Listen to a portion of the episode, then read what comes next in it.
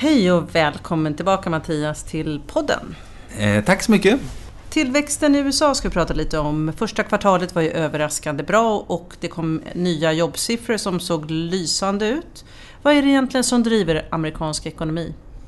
Ja, det är ett bra momentum på flera fronter. Eh, för det första kanske man ska säga att eh, det var bra siffror, men inte fantastiska. Eh, men det är bra. Det som är mest slående är väl att det är så stabilt, framförallt på arbetsmarknaden, där sysselsättningen liksom tickar på eh, och eh, där det egentligen inte händer så mycket med löneökningstakten. Vilket på kort sikt åtminstone är bra, för då, då är räntemarknaden lugn. Liksom. Vad är det som driver USA? Eh, ja, eh, som sagt det är liksom lite momentum överallt. Men eh, det som jag tror, som jag tror gör skillnaden för att USA lyfter i år från 2 till 3 procents tillväxt. Alltså, de har ju vuxit med 2 procent här under många, många år. Men det är ju finanspolitiken och det har vi ju pratat om tidigare här. Eh, att vi får stora skattesänkningar och stora utgiftsökningar. Så det tror jag liksom på marginalen kickar in lite extra i år. Och om vi tittar på USA som tillväxtmotorn i den globala ekonomin. De står ju för ungefär 20% av den globala produktionen. Vad krävs för att de ska fortsätta ha ledartröjan? För jag vet ju att Kina, eller vi alla vet ju att Kina har vissa aspirationer på att bli den ledande ekonomin. Ja, men det kommer de nog att bli. Det är oundvikligt, Kina. Eh, storleksmässigt så kommer de det. Det är ju liksom över en miljard människor eh, så eh, det kan, det tror jag är bara att ge upp för USAs del. USA är en, också en stor ekonomi men eh, den växer med, ja lite grann beroende på hur man ska se det, de närmaste 10-15 åren med kanske 2 eller 2,5 procent positivt räknat. Kina ligger just nu på 6,5 och kommer säkert att växla ner. Men det är en betydligt större eh, folkmängd som växer i en snabbare tillväxttakt. Så att, eh, att Kina kommer att gå med USA storleksmässigt, det, det tror jag inte, det är inte mycket att försöka kämpa emot med. För trots att det går bra i USA just nu så är det många som, olyckskorpar som kraxar om att det kommer bli sämre tider. Vad tror du om den amerikanska ekonomin? Nej, jag tror inte det i närtid. Jag tror att 18 och 19 är vi nog eh, safe, så att säga. Och det just återigen då, beroende på finanspolitiken. Jag har väldigt svårt att se framför mig att vi skulle ha ens vara i närheten av recession när vi har så stora stimulanser. Eh, vi pratar ju om att man, jag tror vi har pratat om det här förut också, att vi snackar om att man ska ha budgetunderskott på 5-6% av BNP. Så det är en extrem stimulans. Det skulle i sådana fall vara att det händer någonting otroligt dramatiskt med inflation och räntor. Men det verkar det inte göra, utan räntemarknaden är ganska lugn och inflationstakten är ganska stabil. Eh, 2020 är väl, men det är, och det är en konsensusuppfattning, 2020 så skulle det väl kunna se farligare ut då, för då har Fed fortsatt att höja under lång tid. Och finanspolitiken är det liksom inte någon eh, stöd ifrån längre. Och då har det hållit på länge. Då är det väl den längst, nästan den längsta återhämtningen någonsin. Så att möjligen skulle man kunna fundera lite grann på vad som händer då. Mm. Men det hinner vi återkomma till. Det hinner vi återkomma absolut till. Men de här infrastruktursatsningarna, hur påverkar det amerikansk tillväxt och får det effekter på börsen? Infrastrukturen vet jag inte om det påverkar någonting, för det har inte hänt så mycket på just infrastruktur. Finanspolitiken så här långt handlar om skattesänkningar och det ser vi extremt tydligt. Eh, titta på vinsttillväxten i amerikanska bolag. I Q1, S&P 500-bolagen så låg det på 23 procent, tror jag, year on year. Eh, och så, så ser vi det på utgiftsökningar och det börjar kicka in nu i fjärde kvartalet, börjar vi se det på allvar. Eh, alltså den amerikanska offentliga sektorn börjar höja sina utgifter. Men inte så mycket på infrastruktur och på infrastruktur är en egen grej. Det är ett vallöfte som ännu är, egentligen inte är uppfyllt. Eh, och där vet vi inte riktigt hur de har tänkt sig heller. Det är ju svårt att se framför sig att man skulle öka budgetunderskotten ännu mera. Utan då har det pratats om olika, möj olika möjligheter med att den privata sektorn ska få eh, skattesubventioner och sånt där. Men det vet vi inte så mycket om. Ehm, så jag skulle säga infrastruktur är inte någon jättegrej än så länge för, för, en, för, eh, ja, för ekonomin i USA. För börsens del, om du tänker på svenska bolag, så är det ju Skanska som ligger närmast till hands. Då. De är ju redan väldigt engagerade i ett par stora. De bygger ju bland annat om LaGuardia-flygplatsen i New York. Det är ett jätteprojekt. Eh, och vi träffade faktiskt dem för ett par veckor sedan. Men han var väl fort, han var lika osäker han på vad egentligen det här explicita liksom extra infrastruktursatsningen, hur den ska se ut. Men om man då tittar tillbaka på de här skattelättnaderna. amerikanerna får mer pengar i plånboken, går de in i ekonomin eller har de liksom intagit någon form av återhållsam sparlinje? Ja, det får vi ju se, för att kritiken mot eh, skattesänkningarna till hushållen var att de var alldeles för riktade till den, de rikaste som har en lägre marginell konsumtionsbenägenhet då, än de låginkomsthushållen. Alla får ju en skattesänkning, men proportionerligt så blir det en större skattesänkning på de som, som har större inkomster. Ehm, så det får vi se, det vet vi inte riktigt. Ehm, så här långt i år så eh, har amerikanska hushåll, om man nu minns rätt, dragit ner sin sparkvot lite grann. Vilket tyder då på att de har samtidigt haft en, en inkomstökning som har varit sådär, om man ska vara helt ärlig. Så eh, det finns inga tecken på att de har höjt sitt sparande eller att de lägger alltihopa i madrassen. Utan jag tror att, jag tror att det kommer höja privatkonsumtionen lite. Lite grann? Ja. Men du träffade ju ledande retailbolag under din vistelse här i USA. Ja. Och man funderar lite på hur ser framtiden ut? För även där så tar ju e-handeln över. Ja, ja den, eh, det, den stör ju. Det är en störning. Det är ju fortfarande så att vanlig handel dominerar så att säga. Men på marginalen så är all tillväxt är ju e eller onlinehandel. Eh, jo, och vi hade lite fokus på retail på den här resan. Ja, vad upptäckte vi? Eh, det är ju svårt att generalisera. Vi träffade ju allsköns bolag då, liksom Barnes Nobles eh, till Home Depot som är som, ja, vad ska vi likna det vid? Byggmax eller någonting i den här stilen va? Eh, och sen så sådana här lyxbolag som Estée Lauder eller eh, Tapestry som har coach bland annat. Och så här. Det man kan säga tycker jag är att det var inte fullt så pessimistiskt som man lätt kan tro om man ser eh, rubrikerna här och även i amerikansk press. Alltså Death of Retail och sådana där saker. Men man har ju sett bilder på tomma köpcenter. Ja, och det är lite lustigt att du säger det. För vi träffade faktiskt en, en organisation som organiserade shoppingmalls och, och eh, hon hävdade då att i A-lägen så stiger hyrorna i de här shoppingmalls. Eh, hon tyckte då att det var en och samma shoppingmall som man alltid visade en bild av för att visa hur eländigt det var. Så hon tyckte det var lite överdrivet. Det var väl inte helt... Men jag tror att det man kan säga var att Eh, det var lite bättre, det var lite mer, det var, eller så här, det var betydligt mer nyanserat än vad man kanske skulle ha känslan av när man eh, tittar i media. Och med, med det menar jag att läget, all, alla är på gång att anpassa sig till den nya miljön. Ingen vet var det ska sluta. Och ingen vet hur mycket det kommer att kosta. Men alla är på gång. Så att de som har drabbats hårdast är till exempel då, det är de här var, stora varuhuskedjorna. Eh, Macy's eller Nordstroms eller sådär. Och de är då i full färd med att bygga om sitt erbjudande. Eh, Barnes Nobles... Eh, För de har ju flera utmaningar, det här med läsandet och... Barnes Nobles? Ja. ja. Ja, men då, då, de har ju inte någon tillväxt. Men de har lyckats stabilisera då eh, försäljningen i sina fysiska butiker och så har de tillväxt online. Eh, har, ju inte, har ju inte någon total tillväxt då så att säga, men har ändå lyckats stabilisera läget. De har ungefär 20% av marknaden. Eh, eh, Home Depot eh, säljer liksom, du vet, så här, cementsäckar och sånt. Det är ju inte sånt som man säljer på online. Men, men har ändå då, försöker digitalisera sitt erbjudande så mycket som möjligt också. Så det är en salig blandning. Alla liksom blandar upp sig. De som är offline försöker gå online, men de som är online bara försöker också komma lite offline så att säga. Ha någon form av pop-up stores? Ja, till exempel, eller det mest fascinerande var ju att gå runt i Washington eller New York och plötsligt trilla in i en Amazon bookstore.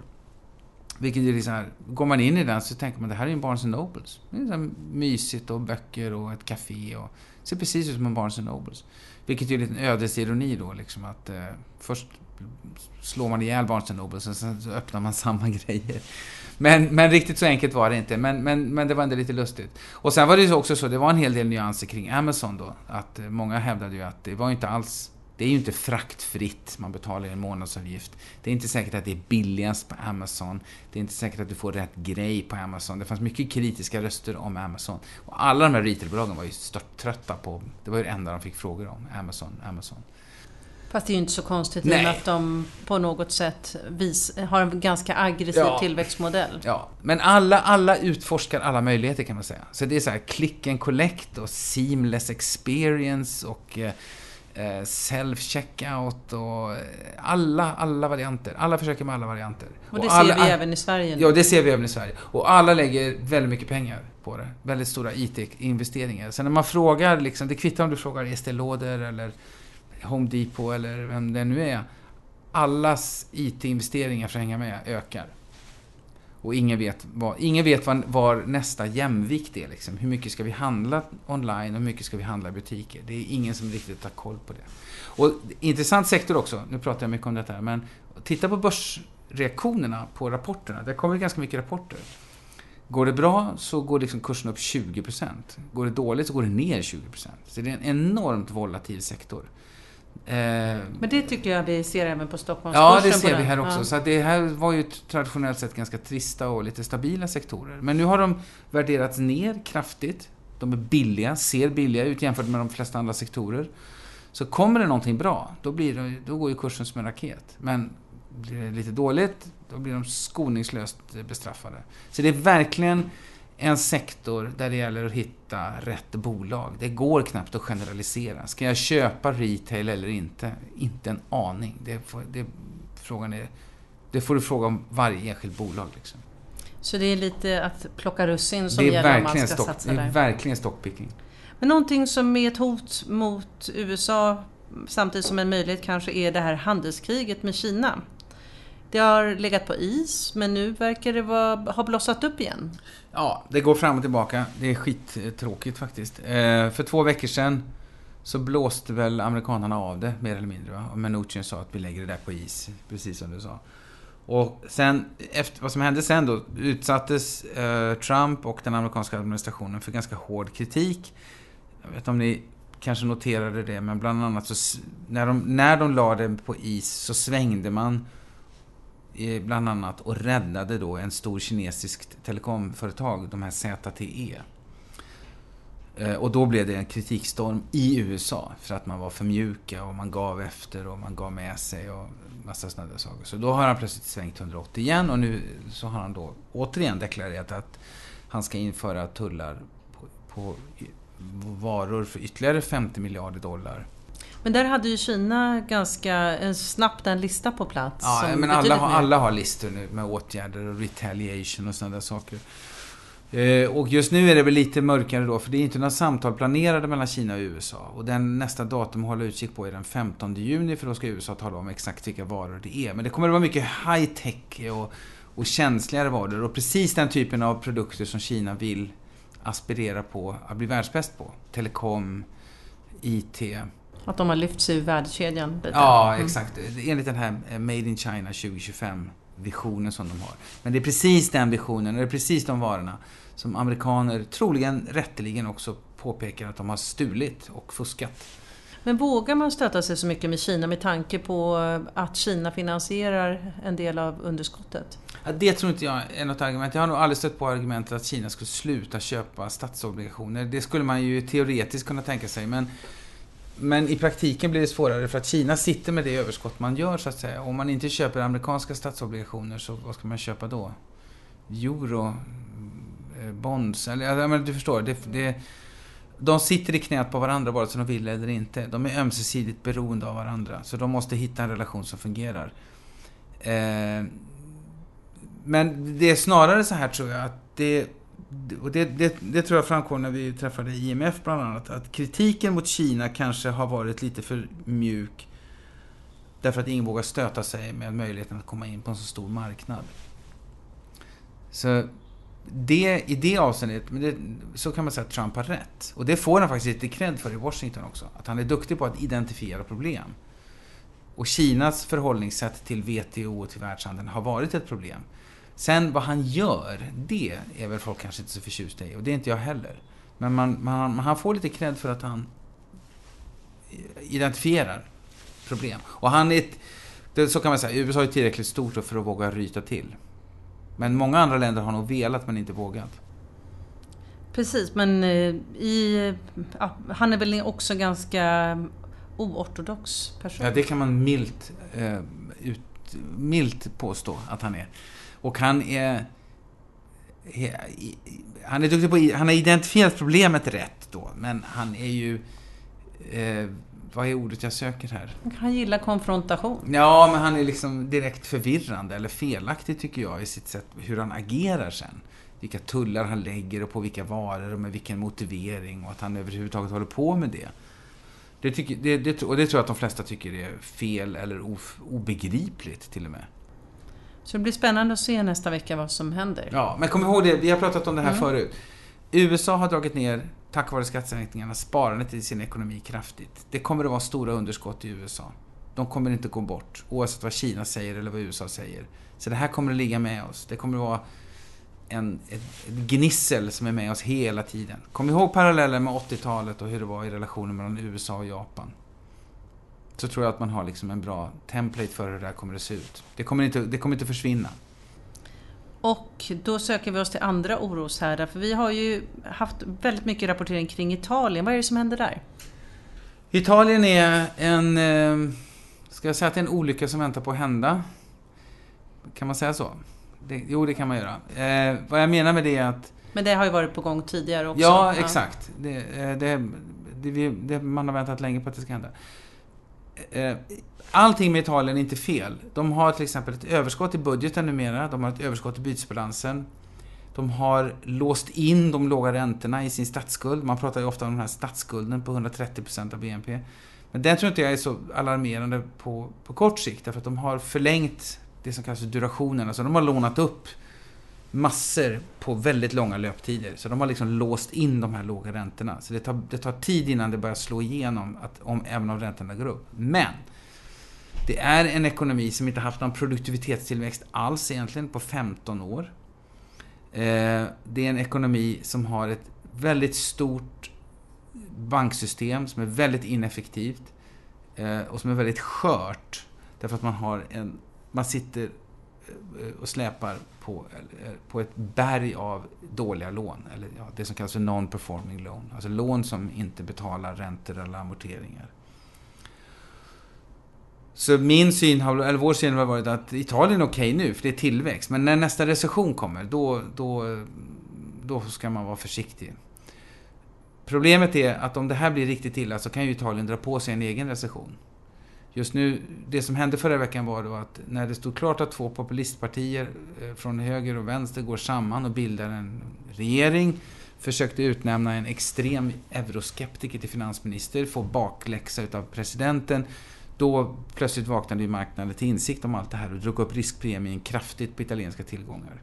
Framförallt genom räntespreaden. Och det är klart, går räntorna upp tillräckligt mycket så kan det ju faktiskt trigga en recession. Man ska inte glömma bort att vi hade en recession i Europa. Vi pratar väldigt mycket om USAs konjunkturförlopp. Och det är rätt så, därför att oftast är det USAs konjunkturförlopp som styr liksom hela den globala cykeln. Men Europa hade en egen eh, recession 2011-2012 i samband med bank och Greklandskrisen och eurokrisen. Så eh, Italien har plötsligt seglat upp då högst på agendan just tack vare den här regeringen. Och faran är inte över. Nu har de ju bildat en regering och tillsatt en annan finansminister.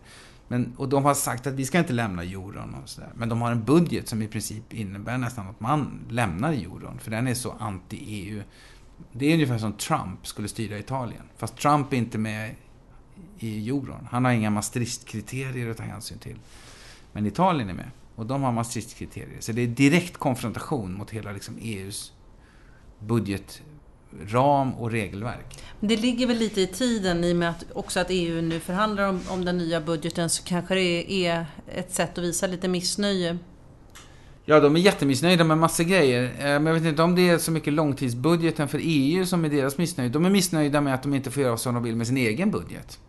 De är missnöjda med att de måste ta hand om eh, eh, så mycket invandrare. Uh, i, ja, de är missnöjda med massor med grejer. De, de, de, den populistiska bilden är ju att Tyskland har liksom låst in dem i en bur. Mm. Och den vill de frigöra sig från. Får vi se hur det går. Ja. Slutligen... Men så ska vi säga det då, bara nämna det. Att det så, på grund av den här risken så är vi ju lite mer försiktiga. Jag har ju varit här och varit ganska positiv och det är jag fortfarande egentligen till USA och så. Men vår strategi har vi blivit lite mer försiktiga till. Så vi har tagit ner aktier, tagit ner emerging markets, tagit ner cykliskt och, och lite sådana saker. Så vad ska man satsa på då? Nej, vi, just nu så har vi ökat det vi tycker man ska lägga i rena cash och bara vänta. Och sen så har vi också då inom, till, inom aktier så har vi valt att eh, satsa på USA över Europa. Det hade vi förut också i och för sig. Och sen så, som ett exempel, vi tog ut SKF och vi tog ut Rockwool. Eh, och stoppade in såna här Telia och Securitas. Alltså, inte Fast så... Telias aktie har ju inte varit lysande de senaste Nej, tiden. men det är väl inget skäl till att den inte kan bli bättre. Men här, det är en annan tanke här bak. Det är, det är lite mer bara konservera pengarna. Eh, och övervintra lite grann, bara för att se vart det här ska ta vägen.